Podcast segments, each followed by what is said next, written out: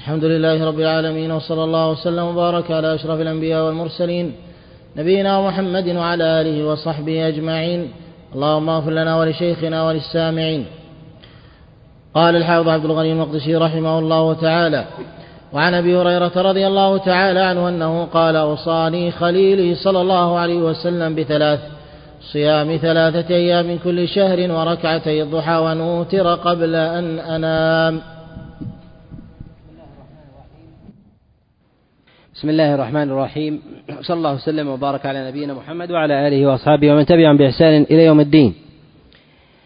في وصية رسول الله صلى الله عليه وسلم لأبي هريرة بمثل هذه الوصية دليل على قربه وكذلك فضله ومقامه عند رسول الله صلى الله عليه وسلم مع تأخر إسلامه عليه رضوان الله تعالى. فإنه قد أسلم قبل وفاة رسول الله صلى الله عليه وسلم بأربع بأربع سنين. وأوصاه رسول الله صلى الله عليه وسلم بثلاث أولها ما يتعلق ببابنا صيام ثلاثة أيام من كل من كل شهر.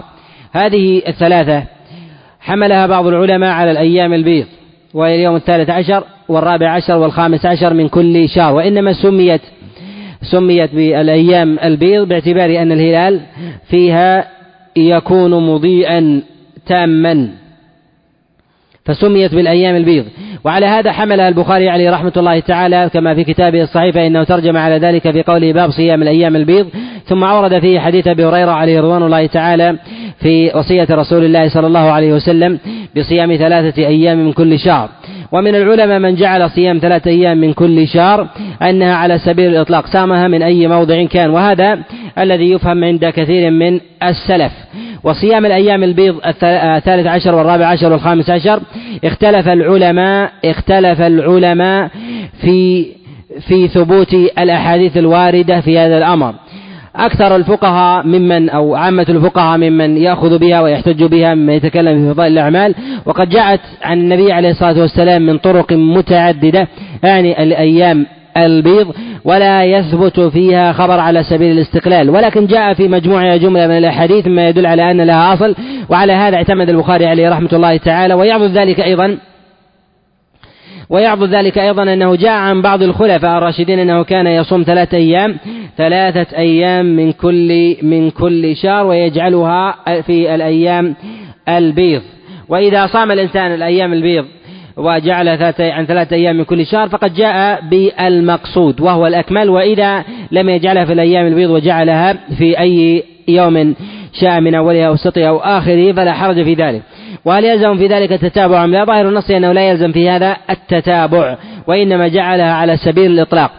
وهو كما أنه هنا في ثلاثة أيام من كل شهر كذلك أيضا في الأيام المتعددة التي جاء النبي عليه الصلاة والسلام صيامها بالإجمال كصيام ستة أيام من شوال فلا يلزم في ذلك التتابع على صحيح من أقوال من أقوال العلماء.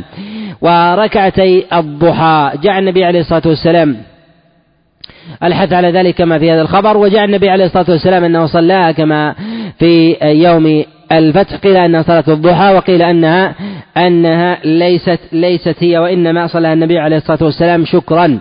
وجاء عن عائشة عليه رضي الله تعالى أن رسول الله صلى الله عليه وسلم لم يصلي صلاة الضحى والمثبت والمثبت مقدم على النافي. وعائشة إنما حكت ما علمته من حال رسول الله صلى الله عليه وسلم.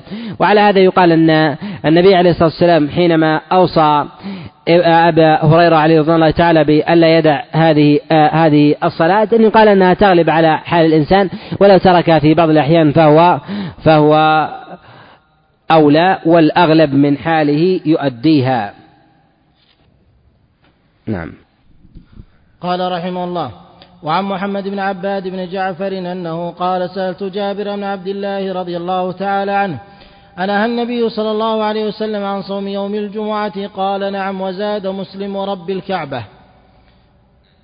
وعن أبي هريرة رضي الله تعالى عنه أنه قال سمعت النبي صلى الله عليه وسلم يقول لا يصومن احدكم يوم الجمعة إلا يصوم يوما قبله أو يوما بعده. في هذا الخبر دليل على المنع من تخصيص يوم الجمعة بصيام. إلا إذا صام الإنسان يوما قبله أو يوما بعده أو كان ذلك يوافق صياما يستديمه الإنسان كصيام يوم وإفطار يوم. فإذا صام يوم الجمعة على سبيل الانفراد ولم يصم يوما قبله أو يوما بعده فإن هذا فإن هذا لا حرج فيه لما تقدم في حديث عبد الله بن عمرو عن رسول الله صلى الله عليه وسلم. وإذا كان ليس من عادة الإنسان ذلك فإنه ليس له تخصيص ذلك اليوم بالصيام.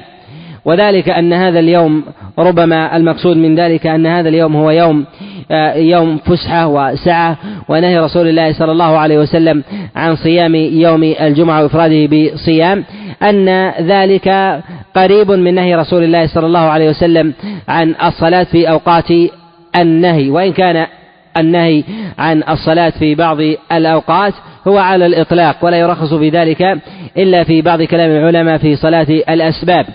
وإنما جعل النبي عليه الصلاة والسلام صيام يوم قبل أو يوم بعد باعتبار تضييق صيام هذا هذا اليوم. ويظهر في ذلك أنه فسحة ووعيد آه، الأسبوع. ولهذا نهى النبي عليه الصلاة والسلام أيضا عن أن عن التحلق يوم الجمعة عن التحلق يوم الجمعة. وقد كان أيضا من عادة كثير من السلف أنهم لم يكونوا يحدثون يوم الجمعة كما روى ابن عساكر في كتاب تاريخ دمشق عن مكحول قال لم نكن نجلس في الحديث في يوم في يوم الجمعة. وقد جاء خلاف ذلك عن أبي هريرة عليه رضوان الله تعالى عند الحاكم في كتابه المستدرك بإسناد بإسناد صحيح. وفي هذا الحديث أن النبي عليه الصلاة والسلام رخص في صيام يوم الجمعة إذا صام الإنسان يوما بعده وهو يوم يوم السبت. وفيه هذا إشارة إلى تضعيف حديث النهي عن صيام يوم السبت. في قول رسول الله صلى الله عليه وسلم ونهى النبي عليه الصلاة والسلام عن صيام يوم السبت قال وإن لم يجد أحدكم إلا لحاء عنبة فليمضغه يعني يتحلل به عن الصيام. وهذا خبر لا يصح. وقد آه، اختلف كلام العلماء في ذلك وجماهير الأئمة من المتقدمين على على إعلاله. وذلك لمخالفته لجماهير ما جاء من النصوص عن رسول الله صلى الله عليه وسلم من صيام يوم بعد الجمعة كذلك صيام يوم وإفطار يوم كذلك صيام أيام ثلاثة أيام من كل شهر فإن الإنسان يعتاد على ذلك. وكذلك أيضا فإن النبي عليه الصلاة والسلام كان يكثر من صيام من صيام بعض الأشهر كصيام شهر الله المحرم كذلك شعبان فإنه لم يثبت عن رسول الله صلى الله عليه وسلم أنه أنه نهى عن صوم يوم السبت على سبيل التحديد.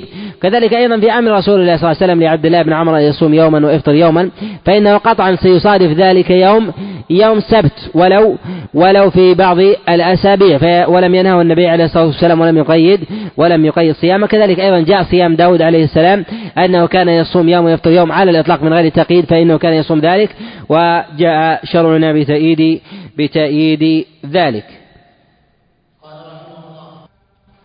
قال رحمه الله وعن أبي عبيد مولى بن أزهر واسمه سعد بن عبيد أنه قال شهدت العيد مع عمر بن الخطاب رضي الله تعالى عنه فقال هذان يومان نهى رسول الله صلى الله عليه وسلم عن صيامهما. يوم فطركم من صيامكم واليوم الآخر تأكلون فيه من نسككم. اختلف العل... آه، اتفق العلماء على أن يوم الفطر ويوم الأضحى أنه يحرم على الإنسان أن أن يصومه وهذا لا خلاف عند العلماء من السلف والخلف فيه. وإنما اختلفوا في بعض فروع هذه المسائل وهي أن الإنسان إذا نذر أن يصوم يوم الفطر ويوم الأضحى نذرا قالوا يحرم عليه أن يصوم ذلك اليوم. هل يجب عليه أن يقضي ذلك النذر أم لا؟ اختلف العلماء في في البدل. لهذا لهذا اليوم على قولين. ذهب جماعة من الفقهاء وقول أهل الرأي أنه لا أنه يقضي ذلك يوما يوما مكانهم. واختلف العلماء فيما بعد يوم فيما بعد يوم الأضحى.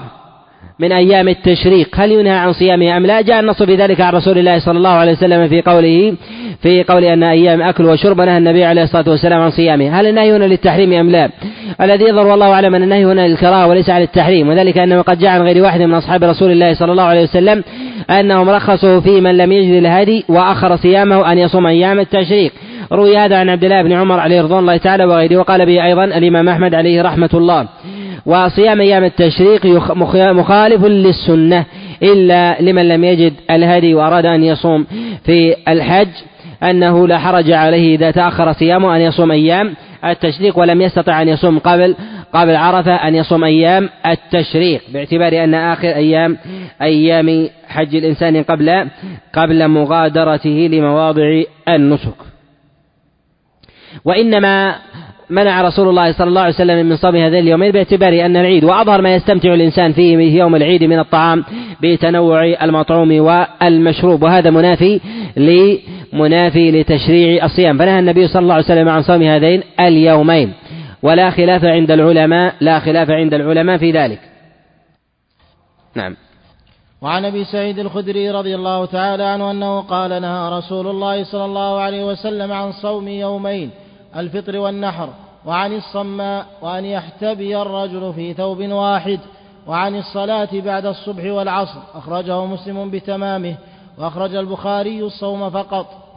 تقدم الكلام على نهي صوم يوم النحر ويوم الفطر وإنما سمي يوم النحر بالنحر باعتبار أن الإنسان أن الإنسان يضحي فيه كذلك أيضا ينحر هديه لمن كان من الحاج كذلك أيضا المعتمر. فإنه يستحب له أن ينحر أن ينحر هديه. والفطر إنما سمي بذلك باعتبار أنه يتحلل يتحلل بإفطار هذا اليوم بعد بعد إمساكه لشهر رمضان. وهذا محل اتفاق عند العلماء كما تقدم الكلام عليه. وإنما أورد المصنف عليه رحمة الله هذا الخبر بعد ما جاء في الخبر السابق على سبيل على سبيل دلالة أن هذا مما يقطع به لتضافر الأحاديث فقد جاء في خبر في الخبر السابق وجاء أيضا في حديث أبي سعيد وروي أيضا من خبر غيره نهي رسول الله صلى الله عليه وسلم عن صوم أيام العيدين. قال وعن اشتمال الصمع والمراد باشتمال الصمع هو أن يتدثر الإنسان برداء ثم يجعل يديه تحت تحتهما.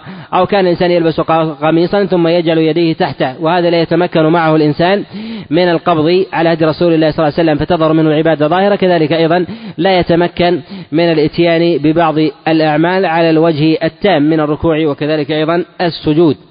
ونهى رسول الله صلى الله عليه وسلم أن يحتبي الرجل في ثوب واحد خشية أن تظهر أن تظهر العورة. وكانوا في السابق مما لا يجدون السراويل. ويظهر عند الاحتباء عند الاحتباء العورة. وأما إذا وجد هل ينتهي آه، النهي ويقال أن الحكم معلق بالعلة وجودا وعدما. الذي يظهر والله أعلم أن الإنسان إذا كان إذا كان يأمن من ظهور العورة خاصة بالأزمنة المتأخرة لا حرج عليه لا حرج عليه أن يحتبي. وهذا ليعبده ما جاء من نهي رسول الله صلى الله عليه وسلم عن الاحتباء في حال يوم الجمعة خشية أن أن ترى عورة الرجل النبي عليه الصلاة والسلام عن الصلاة بعد الصبح وبعد العصر. هذا مما لا خلاف عند الأئمة الأربعة في ذلك وإنما الخلاف في في ذوات الأسباب. كصلاة الإنسان مثلا بدخوله المسجد كذلك أيضا في ركعة الطواف ونحو ذلك هذا ما اختلف فيه العلماء. ذهب غير واحد من العلماء وقال جماعة من السلف كعمر بن الخطاب عليه رضوان الله تعالى وغيره إلى أن الإنسان أن الإنسان لا يؤدي الصلاة على أي حال كان ولكان ذات الأسباب وإنما ينتظر حتى حتى يأتي وقت الحل للصلاة.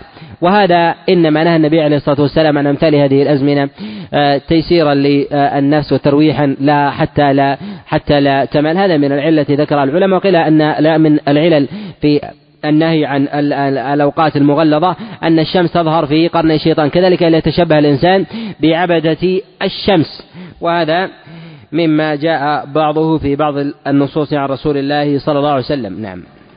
قال رحمه الله عن أبي سعيد الخدري رضي الله تعالى عنه أنه قال قال رسول الله صلى الله عليه وسلم من صام يوما في سبيل الله بعد الله وجهه عن النار سبعين خريفا.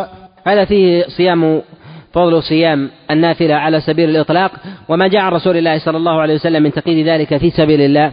هل هو المراد بذلك في الجهاد في سبيل الله؟ أم المراد بذلك هو خالصا أن يتجرد نية لله جل وعلا؟ هذا مما اختلف فيه العلماء في هذه المسألة على قولين. ذهب جماعة من العلماء ومروي عن الإمام أحمد وقال به جماعة من أصحابه كأبي الفرج من الجوزي وغيره. أن المراد بذلك أن المراد بذلك الإطلاق. وبعضهم قيده في قيده في الجهاد في سبيل الله. حملا لبعض الإطلاقات من كلام الله جل وعلا كما جاء في مصارف الزكاة في قوله سبحانه وتعالى وفي سبيل الله وهو مقيد بالجهاد في سبيل الله كما هو قول عامة عامة السلف في هذا.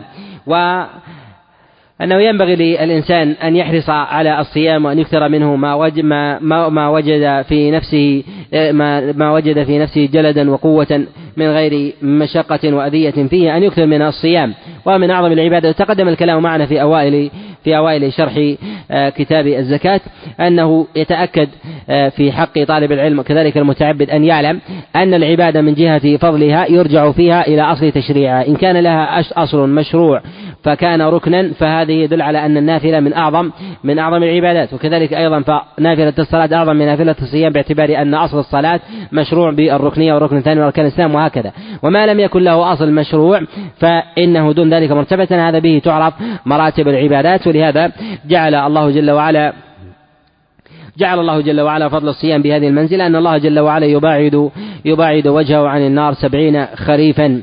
يعني أن الله جل وعلا يباعد عنه أسباب ورود العذاب. وكذلك أيضا فيه دلالة على ما تقدم الإشارة إليه أن الله سبحانه وتعالى يكفر بعمل الإنسان يكفر بعمل الإنسان الصالح السيئات. وهذا ظاهر في قول الله جل وعلا ما تقدم الكلام عليه وأقم الصلاة طرفي النهار وزلفا من الليل إن الحسنات يذهبن السيئات.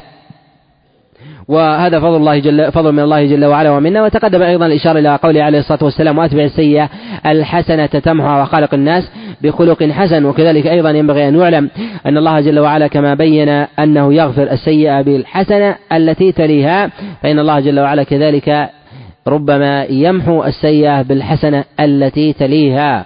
وهذا الكلام على هذا عند العلماء مما يطول والنص في ذلك ظاهرة منها في قول الله جل وعلا لا تبطلوا صدقاتكم بالمن والأذى وكذلك في قول الله جل وعلا يا أيها الذين آمنوا لا ترفعوا أصواتكم فوق صوت النبي ولا تجهروا له بالقول كجار بعضكم لبعض أن تحبط أعمالكم. فالله جل وعلا بين أن الإنسان يحبط عمله بالذنب يصيبه. كذلك أيضا ما جاء في المسند وغيره من حديث من حديث عائشة عليه رضوان الله تعالى أن قالت لأم زيد بن أرقم لأم زيد ابن أرقم أخبريه أنه قد أبطل جهاده مع رسول الله صلى الله عليه وسلم لما تبايع بعينه إلا إلا أن يتوب. وفيه دلالة أن ما يحبطه الله جل وعلا من عمل الإنسان إذا رجع الإنسان وتاب إلى الله جل وعلا أن الله جل وعلا يعيد إلى إلى صحيفته. وهذا يعبد المسألة التي يتكلم عليها العلماء وهي أن من غفر الله جل وعلا له ذنبه بتوبته أو بأي موجب من موجبات الغفران هل يمحى ذلك من صحيفته أم لا؟ هل يمحى من صحيفته أم لا باعتبار أنه لا يسأل عنه يوم القيامة. هذه المسألة قد اختلف فيها العلماء على قولين. ذهب جمهور العلماء إلى أنه يمحى من صحيفته وهذا وهذا أن تائب الذنب كمن لا ذنب له. ذهب بعض العلماء ومروي عن الحسن البصري وغيرهم إلى أن من تاب من الذنب أنه لا يمحى من صحيفته لكن لا يعاقب عليه فيسأل عنه يوم القيامة. يسأل عنه يوم القيامة أنك فعلت ذنب كذا وكذا ويقر الله جل وعلا عليه لكن لا يعاقب لا يعاقب عليه وعلى كل اتفق العلماء على أن الإنسان إذا قبل الله جل وعلا توبته أنه لا يعذبه بذلك الذنب فضل الله جل وعلا واسع. نعم. قال رحمه الله باب ليلة القدر. أنا قوله هنا باب ليلة القدر تقدم الكلام معنا الإشارة إلى فضل النهار على الليل في في صيام رمضان باعتبار أن الركنية تتحقق بالنهار. لهذا ينبغي الإنسان أن يكثر من العبادة بأنواعها في نهار رمضان لأنها مقترنة بالصيام والصيام هو الركن وإنما فضل هذا الشهر بالإمساك لا بالفطر. ولهذا يقال أن نهار رمضان هو أفضل من أفضل من ليله. بعض العلماء يستثني ليلة ليلة الليلة التي فيها القدر ويقال أن هذه الليلة ليست معلومة أصلا فالتفضيل حينئذ يكون متنقل ولكن يقال أنه يبقى الإنسان على الأصل في فضل في فضل النهار على الإطلاق كما هو ظاهر مما يعرضه ظواهر الأدلة. وتفضيل ليلة القدر التي جاءت فيها النصوص في ذلك لا يعني تفضيلها على على النهار.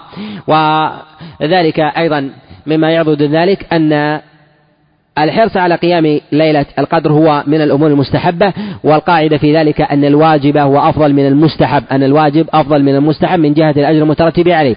فما دل الدليل فيه على ثبوت أجر معين على مستحب فإن ما كان من أصله الواجب أعظم من ذلك الأجر الذي رتبه الله جل وعلا المستحب. وبه نعلم أن ما جاء في الخبر السابق في قول رسول الله صلى الله عليه وسلم من صام يوما في سبيل الله باع بعد الله عن النار سبعين خريفا. أنه إذا كان هذا في صيام النافلة فصيام الفريضة في رمضان أن ذلك أعظم عند الله جل وعلا. كذلك في سائر في سائر الفرائض. إذا دل الدليل على نافلة أن الفريضة فإن الفريضة من ذلك أعظم عند الله جل وعلا. وهذا وهذا يدل عليه النقل وكذلك العقل النظر. وفضل ليلة القدر من جهة القيام واغتنام هذا من الأمور المستحبة والمتأكدة وهي من عظائم الأمور لكنها ليست ليست بواجبة. وهذا لا يخرم القاعدة التي تقدم الكلام عليها بفضل النهار على الليل. وينبغي على المؤمن المتعبد المغتنم للصالحات أن يغتنم هذه الليلة ولا يمكن أن يغتنم الإنسان إلا إلا بقيام ليالي رمضان وبالأخص العشر الأواخر من رمضان فإن الإنسان إذا اعتنى بذلك فإنه يقطع أنه قد أدرك تلك الليلة. وقد جاء في ذلك جملة من الأخبار عن رسول الله صلى الله عليه وسلم في بيان فضلها. من ذلك ما جاء في بيان فضل رمضان على الإطلاق في قول النبي عليه الصلاة والسلام من صام رمضان إيمانا واحتسابا وجاء من قام رمضان إيمانا واحتسابا غفر الله له ما تقدم من ذنبه. وكذلك ما جاء رسول الله صلى الله عليه وسلم في الصحيح من قام من قام ليلة القدر إيمانا واحتسابا غفر له غفر الله له ما تقدم من ذنبه. وجاء في بعض الألفاظ وبعض المصنفات غفر الله له ما تقدم من ذنبه وما تأخر. وهذا ما تأخر كلمة موضوعة ولا أصل لها في الخبر عن رسول الله صلى الله عليه وسلم ولا يثبت عن أحد من الناس أو في عمل من الأعمال أنه يكفر الإنسان ما يأتي من من سنوات أو من أو ما يأتي من مستقبل عمره إلا ما جاء في بعض صيام النافلة مما هو معلوم من صيام مما جعله الله جل وعلا من صيام تكفير صيام السنة الماضية والسنة الباقية. وكذلك أيضا ما جاء في خصيصة رسول الله صلى الله عليه وسلم ليغفر الله لك ما تقدم من ذنبك وما تأخر. فهذا من خصيصة النبي عليه الصلاة والسلام. أما تكفير الذنب على الإطلاق الآتي فإن هذا ليس ليس لأحد. كذلك أيضا ما جاء في في أهل بدر في قول رسول الله صلى الله عليه وسلم لعل الله اطلع على أهل بدر فقال افعلوا ما شئتم. هذا ليس وهذا ليس على ما نتكلم ما نتكلم فيه باعتبار أن أهل بدر آه، قد انقضى أمرهم والكلام هنا في تقرير الأحكام على سبيل على سبيل الدوام. وليلة القدر إنما سميت بليلة القدر باعتبار أن الله جل وعلا قد جعل فيها المقادير وكذلك أيضا أنزل الله سبحانه وتعالى فيها كتابه العظيم. وهذا فضل وتشريف لهذه الليلة. نعم. قال رحمه الله عن عبد الله بن عمر رضي الله تعالى عنهما أن رجالا من أصحاب النبي صلى الله عليه وسلم أروا ليلة القدر في المنام في السبع الأواخر فقال رسول الله صلى الله عليه وسلم أرى رؤياكم قد تواطأت في السبع الأواخر من كان متحريها فليتحرى في السبع الأواخر. وعن عائشة رضي الله تعالى عنها أن رسول في هذا في هذا أن الرؤيا في المنام مما يستأنس بها مما يستأنس بها. وقد جاء رسول الله صلى الله عليه وسلم كما في المسند والسنن قال عليه الصلاة والسلام الرؤيا معلقة برجل طائر فإذا أولت أولت وقعت. و الرؤيا جزء من سبعين أو ستين جزءا من النبوة. وهذا يدل على أنها ثقب في علم الغيب ويكتنفها ما يكتنفها من صدق الرائي وكذلك أيضا قوة المعبر ونحو ذلك. لهذا لا يقطع بها ولكن تكون من جملة القرائن. ويرجع في هذا إلى الرائي وحاله وكذلك أيضا إلى إلى المعبر ورسول الله صلى الله عليه وسلم رؤياه وحي وكذلك تأويله عليه الصلاة والسلام للرؤيا للرؤيا كذلك أيضا وحي ورسول الله صلى الله عليه وسلم قد أبلغه الله جل وعلا بتحديد ليلة القدر ولكن الله سبحانه وتعالى رفعها لما تلاحى أحد من أصحابه في إشارة آه، مع صاحبه في إشارة إلى أن الله سبحانه وتعالى يرفع بعض الخير عن عباده بسبب ذنب يقترفونه. وكذلك أيضا الإنسان في ذاته أن الله جل وعلا يحرمه ربما بعض التوفيق بسبب الذنب الذي يقع فيه الإنسان. مما ينبغي الإنسان أن يلازم التقوى كذلك أيضا أن يبادر بالاستغفار والتوبة إذا ما وقع في ذنب حتى يعود إليه ذلك الفضل الذي ربما ربما ينزع ربما ينزع منه. و والله جل وعلا لا يقدر على عباده إلا خيرا فإذا رفع الله جل وعلا شيئا فهو من جهة الأصل وخير لمجموع الأمة بخلاف أفرادها. وإذا جعل الله جل وعلا ليلة القدر هي في ليالي معدودة فيها في تحريص للعباد على اغتنام هذه الليالي فإن الإنسان الذي يدرك ليلة القدر مع بقية العشر الأواخر هذا دليل على دليل على فضل على فضله على من أدرك ليلة القدر على سبيل الانفراد على سبيل الانفراد. وقد فضل الله جل وعلا فضل الله جل وعلا ليلة القدر على سائر الليالي بأنها خير من ألف من ألف شهر وهي قرابة أو أكثر من ثلاث وثمانين ثمانين عاما. وفي رسول الله صلى الله عليه وسلم حينما قال من كان مت... من كان منكم متحريا فليتحرى في السبع الأواخر.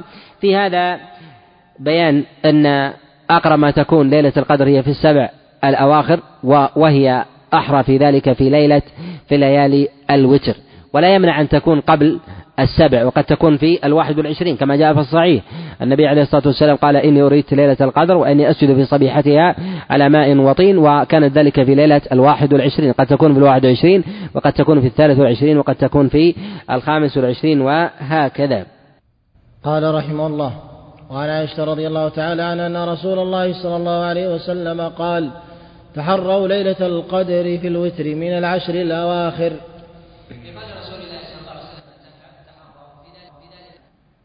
في قال رسول الله صلى الله عليه وسلم تحروا في ذلك إشارة إلى التحين وهو الغلبة أو الكثرة الوافرة في الموافقة أنها تكون في أنها تكون في آه، الوتر من ليالي من ليالي العشر الأواخر. واختلف العلماء في تحديد ليلة القدر على كلام طويل عريض في أبواب الاجتهاد ومثل هذا يحتاج إلى نص. بعض العلماء يأخذ ببعض الإطلاقات ويقطع في هذا يقول أن لا تكون إلا في الوتر لهذا لا تكون في الشبع.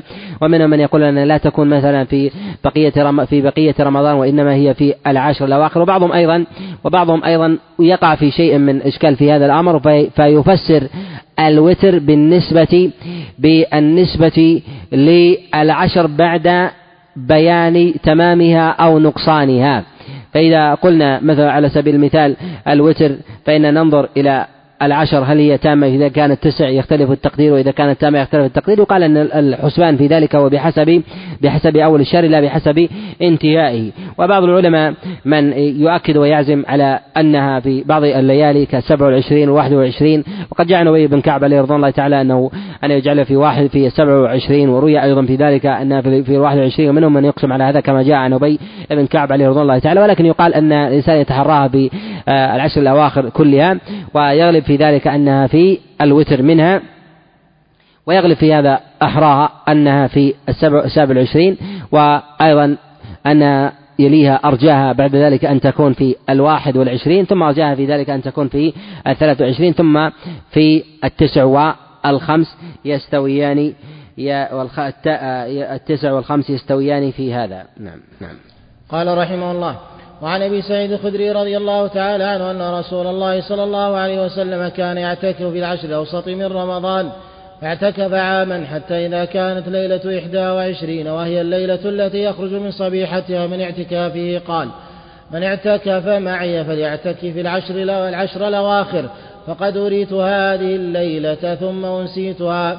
وقد رأيتني أسجد في ماء وطين من صبيحتها فالتمسوها في العشر الأواخر والتمسوها في كل وتر فمطرت السماء تلك الليلة وكان المسجد على عريش فوقف المسجد فأبصرت عيناي رسول الله صلى الله عليه وسلم وعلى جبهتي أثر الماء والطير من صبح إحدى وعشرين. وهذا فيما تقدم الكلام عليه أن أنها قد تكون قبل قبل السبع الباقية فإن النبي صلى الله عليه وسلم رآها في في في إحدى وعشرين. وهذا يدل على أنه ينبغي الإنسان أن أن يحرص على الليالي كلها من أول رمضان حتى يعظم له الأجر وكذلك أيضا يتيقن المصادفة لهذه لهذه الليلة. وهل ليلة القدر هي لحظة كساعة أو ساعة الجمعة ونحو ذلك إذا وافقها الإنسان فإنه أنه يستجاب له بخلاف أول الليل وآخره ونحو ذلك فتطرأ في أول الليل أو في آخره لا. آه، بعض العوام يتوهم هذا الأمر وليست كذلك بل هي في بل هي في الليل في الليل كله وهذا فضل من الله سبحانه وتعالى وسعة ومنة. ورسول الله صلى الله عليه وسلم كان يعتكف في أول أمره في العشر الأواسط من رمضان وكان النبي صلى الله عليه وسلم يعتكف عشرا واعتكف أيضا عشرين. وإن اعتكف الإنسان عشرا أو اعتكف عشرين فكل ذلك من الأمور الحسنة ويأتي الكلام عليه بإذن الله. نعم. قال رحمه الله تعالى باب الاعتكاف. في قول المصنف عليه رحمة الله تعالى باب الاعتكاف الاعتكاف المراد به هو ملازمة الشيء والمكث فيه. فإذا بقي الإنسان زمنا فإنه يقال اعتكف فلان بخلاف الإنسان الذي يبقى يبقى لحظة أو يعبر ساعة ونحو ذلك فإنه لا يقال اعتكف حتى يبقى ويبيت النية بطول المكث. لهذا قد اختلف العلماء في القدر الذي الذي يكون أقل الاعتكاف مع اتفاقهم على أنه لا حد لا حد لأعلاه واختلفوا في الحد الأدنى في ذلك. ذهب جمهور العلماء إلى أن الحد في ذلك من جهة الأدنى إلى أنه يوم وليلة وهذا مروي عن الإمام أحمد وقال به الإمام الشافعي. وذهب الإمام مالك عليه رحمة الله إلى أن أدنى ذلك وعشرة أيام. ومنهم من قال أنه لا حد لأدناه ولو ساعة أو ساعتين ونحو ذلك وهذا هو الصواب. لأنه قد روى ابن أبي شيبة في كتاب المصنف عن يعلى بن أمية عليه رضوان الله تعالى ومن أصحاب رسول الله صلى الله عليه وسلم قال إني لا أدخل المسجد ساعة وما أنوي إلا إلا الاعتكاف. وأن الإنسان إذا دخل المسجد وجلس فيها ساعة أو ساعتين ونحو ذلك ونوع الاعتكاف فإن هذا من الأمور الحسنة وهو الرباط الذي ذكره رسول الله صلى الله عليه وسلم. الخبر وهذا أعلى شيء جاء في تحديد أدنى أدنى الاعتكاف عن أصحاب رسول الله صلى الله عليه وسلم. والاعتكاف من الأمور الحسنة. ولا أعلم خبرا عن رسول الله صلى الله عليه وسلم في بيان فضله إلا فعل النبي عليه الصلاة والسلام وكفى بذلك فضلا.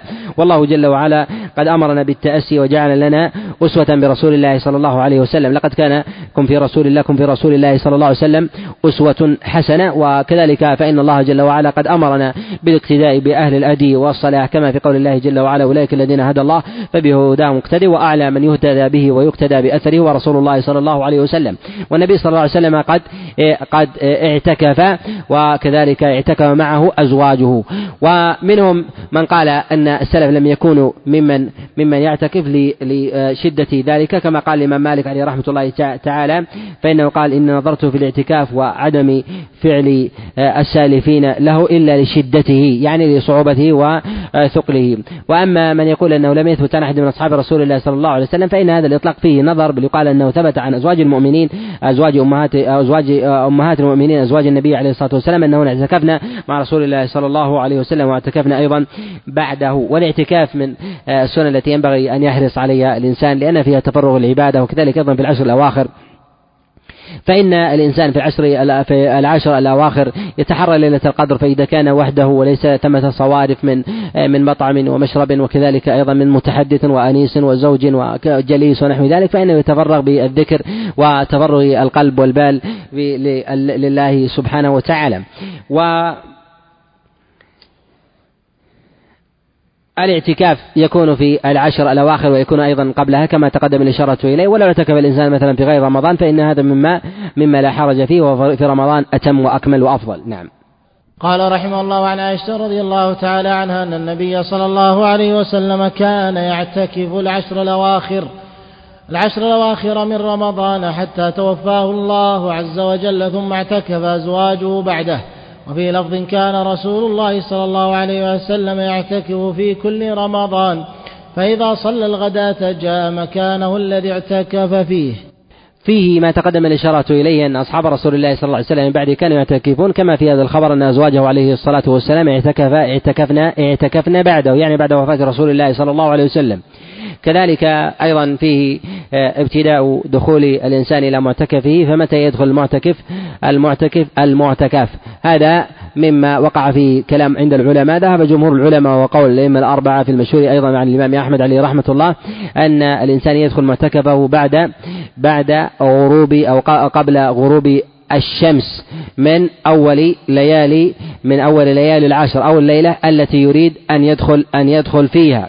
وهذا وهذا هو ظاهر فعل رسول الله صلى الله عليه وسلم. وأما جاء ما جاء في الخبر وكذلك أيضا ما يفهم من هذا السياق أن النبي عليه الصلاة والسلام كان إذا صلى الفجر دخل معتكفه. المراد بدخول المعتكف هو ذلك الخباء الذي ضرب النبي عليه الصلاة والسلام باعتبار أن النبي أن النبي عليه الصلاة والسلام كان يقيم الليل ويحييه فلا فينام في النهار ويصلي من الليل عكس ما كان عليه النبي عليه الصلاة والسلام في غير في غير رمضان. وبه يعلم أن أن الليل يستحب للإنسان أن يحييه كله في رمضان بخلاف بقية السنة.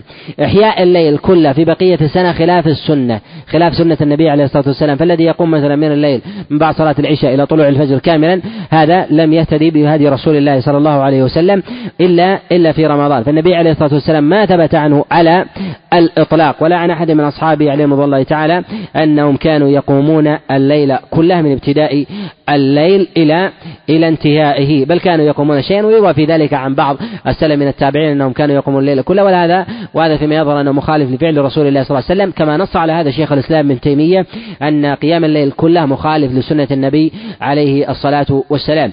ورسول الله صلى الله عليه وسلم يؤيد هذا الخبر أنه كان يقوم الليل كله في رمضان أنه إذا صلى الفجر دخل معتكفا ما يدل على أنه قبل ذلك لم يدخل معتكف وكان منشغلا بالعبادة والقراءة من صلاة من صلاة وقراءة القرآن. قال رحمه الله وعن عائشة رضي الله تعالى عنها أنها كانت ترجل النبي صلى الله عليه وسلم وهي حائض وهو معتكف في المسجد وهي في حجرتها يناولها رأسه. وفي رواية كان لا يدخل البيت إلا لحاجة الإنسان. وفي رواية أن عائشة رضي الله تعالى عنها قالت إن كنت لأدخل البيت للحاجة والمريض فيه فما أسأل عنه إلا وأنا مارة. في هذا أن أنه يتأكد للمعتكف ألا يخرج من معتكفه إلا إلا لحاجة ماسة فرسول الله صلى الله عليه وسلم مع حاجته لتطيب جسده وكذلك ترجيل شعره. كان النبي عليه الصلاة والسلام يدخل شعره في خوخة عائشة عليه رضوان الله تعالى حتى ترجل. ومعلوم أن في هذا من التكلف مما يشق على الإنسان. ومع أن الخروج مع أن حجرة عائشة عليه رضوان الله تعالى هي لصيقة هي لصيقة لمسجد رسول الله صلى الله عليه وسلم وثمة باب منها إلى مسجد النبي عليه الصلاة والسلام. ومع ذلك النبي عليه الصلاة والسلام ما كان يخرج إليها لأنه إذا خرج خرج من معتكفه وما ينبغي الإنسان أن يحرص في عدم الخروج إلا لحاجة بخلاف ما ما يفعله كثير مثلا من الناس بالتساهل في ذلك أنه يذهب حتى لأمور الكماليات ونحو ذلك فإن هذا فإن هذا مما يقدح في تمام وكمال اعتكافه. وإذا خرج الإنسان من غير حاجة إذا خرج الإنسان من غير حاجة من معتكفه فسد اعتكافه إذا خرج الإنسان مثلا على سبيل المثال يقول أنا معتكف في مسجد ويريد مثلا أن يخرج يتنزه أو مثلا يسير في الحي أو نحو هذا يقال أن هذا أن هذا قد أفسد اعتكافه فإنه قد أفسد اعتكافه. إلا إذا كان مثلا لحاجة كما خرج النبي عليه الصلاة والسلام مع صفية فإنه خرج حتى يصل إلى الدار خشية أن تغتالها الأيدي أو يصل إليها أذى ونحو ذلك وهي امرأة امرأة وحيدة فأوصلها رسول الله صلى الله عليه وسلم إلى حرزتها ثم رجع من فوره ولم يدخل النبي عليه الصلاة والسلام معه في ظاهر الخبر. واختلف العلماء في تقدير الحاجة في ذلك منهم من رخص في عيادة في عيادة مريض له عليه في ذلك حق كمرض أبيه ومرض أمه ونحو ذلك. قالوا أنه لا حرج عليه أن يخرج وهذا لا يفسد اعتكافه. وهذا إلى هذا جماعة من الفقهاء وما روي عن عطاء وكذلك سعيد بن جبير وغيرهم. وقال به أيضا الإمام مالك عليه رحمة الله تعالى ومنهم من شدد في ذلك أن الخروج ولو لشيء يسير إذا لم يكن من الأمور اللازمة وأن هذا مما مما يبطل اعتكاف الإنسان ينبغي الإنسان أن يحذر مما يفسد اعتكافه. وإذا وقع الإنسان في شيء من المحرمات في حال اعتكافه هل يفسد هذا الصيام أم لا؟ أولا إذا وقع في شيء محرم ذهب جمهور السلف إلى أنه إلى أنه أفسد الاعتكاف. إذا أن إلى أنه أفسد الاعتكاف. فالله جل وعلا قد حرم على الرجل مثلا أن يباشر أن يباشر زوجته وهو معتكف. وإذا باشرها فسد فسد صيامه في ظاهر في ظاهر السياق. وإذا وقع في شيء من المحرمات في حال اعتكافه هل يقال بصحة اعتكاف؟ مثلا على سبيل المثال لو أن الإنسان استمع إلى الأغاني استمع إلى الأغاني وهو في حال اعتكافه من غير يعني بإنصات من غير الشيء العارض الذي لم يكن قاصدا له. كان يكون مثلا شخص مار من المسجد وشغل الموسيقى والأغاني ونحو ذلك فإن هذا ليس من طاقة الإنسان وكلفته كان يكون الإنسان مثلا تعمد تعمد سماع المحرم ونحو ذلك فإن المترجح في ذلك أنه قد أفسد أفسد اعتكافه. وهل له أن يستأنف في ذلك؟ له أن يستأنف كما تقدم الكلام عليه ما هو أقل اعتكاف على قول من قال أن أقل اعتكاف عشر وهو يريد أن يعتكف بقية رمضان. على قولهم ذلك أن أنه لا يصح منه ولا يصح لا يصح منه أن ينوي بقية الأيام باعتبار أنها ليست بتامة. وعلى القول الصحيح الذي تقدم أنه لا حد لأدناه وإنما أدناه ولو ساعة. كما تقدم عن يعلى بن أمية أن اعتكافه في ذلك صحيح بإذن الله عز وجل ولا حرج ولا حرج عليه. وفي هذا أيضا ما تقدم وكذلك أيضا الخبر السابق أنه لا حرج على النساء أن يعتكفن في المساجد كما اعتكف أزواج رسول الله صلى الله عليه وسلم. يضرب لها خباء تبتعد عن الرجال ولها باب منفرد كذلك أيضا لها خلاء منفرد ولا يظهر منها عورة ولا تشوف ولا تبرز للرجال. فتعبد الله جل وعلا وتنصرف عن مشاغلها وبيتها وأبنائها فإن هذا من الأمور من الأمور الحسنة والجائزة. نعم. قال رحمه الله عن عمر الخطاب رضي الله تعالى عنه أنه قال قلت يا رسول الله إني كنت نذرت في الجاهلية أن أعتكف ليلة وفي رواية يوما في المسجد الحرام. قال فأوف بنذرك ولم يذكر بعض الرواة يوما ولا ليلة. في قول رسول الله صلى الله عليه وسلم لعمر بن الخطاب أوفي بنذرك مع أن النذر كان في الجاهلية. قال غير واحد من العلماء أن الأعمال التي يلزم الإنسان بها نفسه ولو كان في جاهلية في حال كفر إذا كان النذر لله لا لغيره لا لصنم ونحو ذلك فإنه يجب عليه أن يفي. لأن ذلك من الإلزامات على النفس التي يجب على الإنسان أن يفي بها. أي تكون لله جل وعلا خالصة والنذر عبادة. والنذر عبادة بل من أجل من أجل العبادات. فيجب على الإنسان أن يفي بذلك بذلك النذر. و سواء كان ذلك في جاهلية أو في إسلام شريط أن يكون ذلك لله سبحانه وتعالى. وفي قول رسول الله وفي قوله هنا آه، يوما في المسجد الحرام إشارة إلى تعظيم المواضع التي يعتكف أو المساجد التي يعتكف آه، فيها التي هي أفضل من غيرها والاعتكاف يصح في أي مسجد كان على الصعيد. بعض العلماء يستحب وبعضهم يتأكد وبعضهم يوجب أن يكون ذلك في مسجد جامع حتى لا يخرج الإنسان لصلاة الجمعة من معتكفه وهذا هو المتأكد. ولكن لو صلى مثلا وهو اعتكف في مسجد آه، بجوار منزله ومسجد أوقات وليس فيه صلاة جمعة وخرج للجمعة وجاء فإنه لا حرج في ذلك باعتبار أن خروجه للضرورة وهي آكد عند من قال آكد من قال بخروجها لعيادة مثلا مرض أمه وأبيه لأن صلاة الجمعة هي آكد من ذلك آكد من ذلك وكلها وكلها واجبة. فيكون حينئذ آه، قد خرج بعذر وفي هذا أيضا ما تقدم تأكيده في خبر يعلم أمية الموقوف عليه أن أقل اعتكاف لا حد لا حد له. وفيه أيضا آه، وجوب المبادرة والوفاء كذلك أيضا بالنذر. ولو تأخر فعل الإنسان فإن النبي عليه الصلاة والسلام إنما اعتكف في آخر في آخر أمره في مسجده عليه الصلاة والسلام مع أن النذر كان من من عمر بن الخطاب عليه رضوان الله تعالى في الجاهلية مع ذلك ما ذكره له متأخرا فذكره لرسول الله صلى الله عليه وسلم فقال أوفي أوفي بنذرك. وفيه أيضا أن الاعتكاف كان حتى في الجاهلية موجودا يعمل به كان يعمل به أهل الجاهلية وثم بقي في الإسلام ما يدل على أنه قد وجد أيضا في الشرائع في الشرائع السابقة. وثمت أقوال في أن الاعتكاف لا يكون إلا في المساجد الثلاثة وجاء في مسجدين وهو قول قال به بعض السلف في هذا وقال به أيضا جماعة من الفقهاء والصواب في ذلك أنه يجوز في أي مسجد سواء كان جامع أو غير جامع. نعم. قال رحمه الله عن صبية بنت حيي رضي الله تعالى عنها أنها قالت كان النبي صلى الله عليه وسلم معتكفا فأتيته أزوره ليلا فحدثته ثم قمت لأنقلب. فقام معي ليقلبني وكان مسكنها في دار أسامة بن زيد. فمر رجلان من الأنصار فلما رأيا رسول الله صلى الله عليه وسلم أسرعا فقال النبي صلى الله عليه وسلم على رسلكما إنها صفية بنت حيي. فقالا سبحان الله يا رسول الله. فقال إن الشيطان يجري من ابن آدم مجرى الدم وإني خشيت أن يقذف في قلوبكما شرا أو قال شيئا. وفي رواية أنها جاءت تزوره في اعتكاف في المسجد في العشر الأواخر من رمضان فتحدثت عنده ساعة ثم قامت تنقلب فقام النبي صلى الله عليه وسلم معها يقلبها حتى إذا بلغت باب المسجد عند باب أم سلمة ثم ذكره بمعناه والله أعلم. في هذا ما تقدم الكلام عليه أن أنه يجوز للرجل أن يخرج لحاجة كما خرج رسول الله صلى الله عليه وسلم هنا. وفيه أيضا أنه لا حرج على المرأة أن تزور زوجها كذلك المرأة أن تزور أن تزور ابنها في معتكفه. شريطة أن لا يفسد ذلك المعتكف فيطول الكلام ونحو ذلك. وكذلك أيضا فيه دلالة على أنه لا حرج على المعتكف أن يتحدث مع معتكف آخر. فإذا تحدث المعتكف مع شخص ليس معتكف فإنه مع المعتكف أيضا من باب من باب أولى.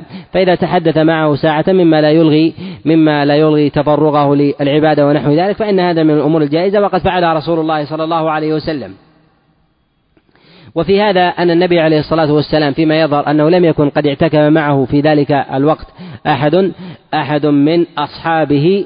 وفي هذا أن الإنسان إذا وافقه الله جل وعلا لعبادة مثل الاعتكاف ونحو ذلك وأن موافقة غيره له آه، أو عدم موافقة غيره له أن هذا لا ينبغي أن يجعله ذلك مما مما يحجم أو أو لا يحجم. النبي صلى الله عليه وسلم هو المؤيد بالله جل وعلا كان النبي عليه الصلاة والسلام هو الذي يشرع والصحابة عليهم رضوان الله تعالى كثير منهم يعلمون فضيلة الاعتكاف وكانوا ربما يقدمون جملة من الأعمال عليه أو ربما بعضهم لبعض مشاغله من أمر دينه ودنياه.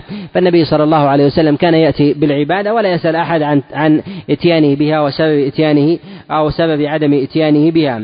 وهنا في هذا أنه ينبغي الإنسان أن أن يتقي الشبهات كذلك أن يدفع أن يدفع عن عرضه وأن لا يقم مقام الشبهات. النبي عليه الصلاة والسلام وهو من هو عند أصحابه يأتمرون بأمره وينتهون بنهيه. ولهم في وله في ذلك وله في ذلك المقام الرفيع.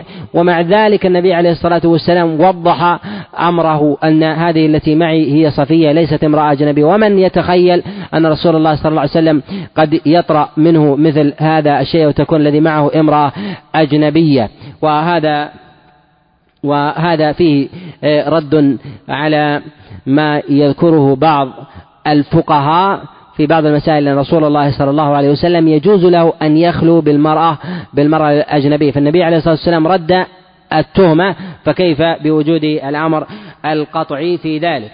كذلك فإن فإن الصحابيين هنا في إسراعهما عن رسول الله صلى الله عليه وسلم لا يريد أن يراهما النبي عليه الصلاة والسلام وهذا النبي عليه الصلاة والسلام أراد أن يستدركهما قبل أن يذهبا فناداهما النبي صلى الله عليه وسلم فأخبرهما في حاله وحال صفية عليه رضوان الله تعالى وذلك أن القرينة أن النبي عليه الصلاة والسلام محله المسجد وأزواجه في دوره فخروجه مع تأكيد بقائع المسجد هذا ظن عند بعض أصحاب النفوس المريضة من المنافقين وغيرهم. فأراد النبي عليه الصلاة والسلام أن يدفع ذلك ذلك الأمر عنه. لماذا؟ لأن النبي عليه الصلاة والسلام ينظر إليه أنه قائد أمة وهو الذي يمثل الإسلام وهو الداعي إليه وحامل لوائه. وهل هذا ينبغي للرجل الصالح والعالم والداعي إلى الله جل وعلا أن يتقي الشبهات قدر إمكانه ويسر ولا يبالي يقول أن عملي صحيح ولا علي من أحد ولا من العامة ونحو ذلك. هذا من الجهل.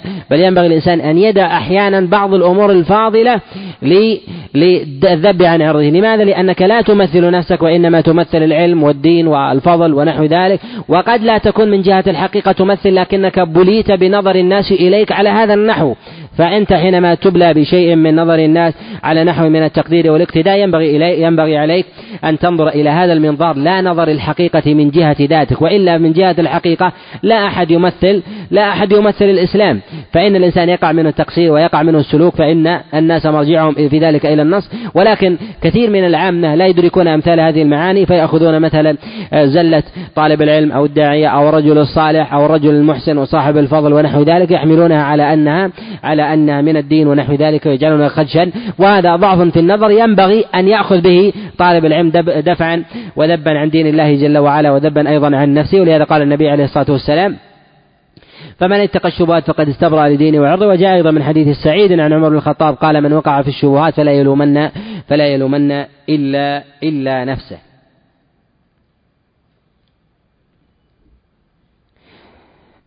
انتهينا من كتاب آه، الصيام. أسأل الله جل وعلا أن يوفقني وإياكم لمرضاته وأسأله سبحانه وتعالى أن يجعلنا ممن يستمع القول ويتبع أحسنه إنه ولي ذلك والقادر عليه. وصلى الله وسلم وبارك على نبينا محمد.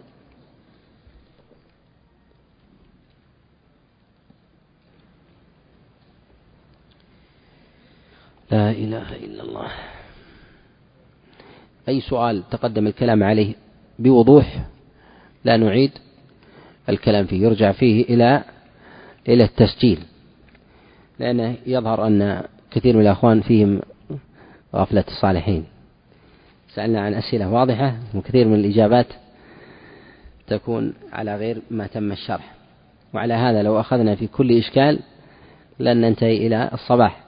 لهذا يحسب الإنسان ما دام أن الله جل وعلا على على الناس بهذه التسجيلات ونحو ذلك يرجع الإنسان يستدرك فيها المعلومة ويرجع إلى مظانها بكتب العلم حتى يتأكد من المعلومة التي سمعها.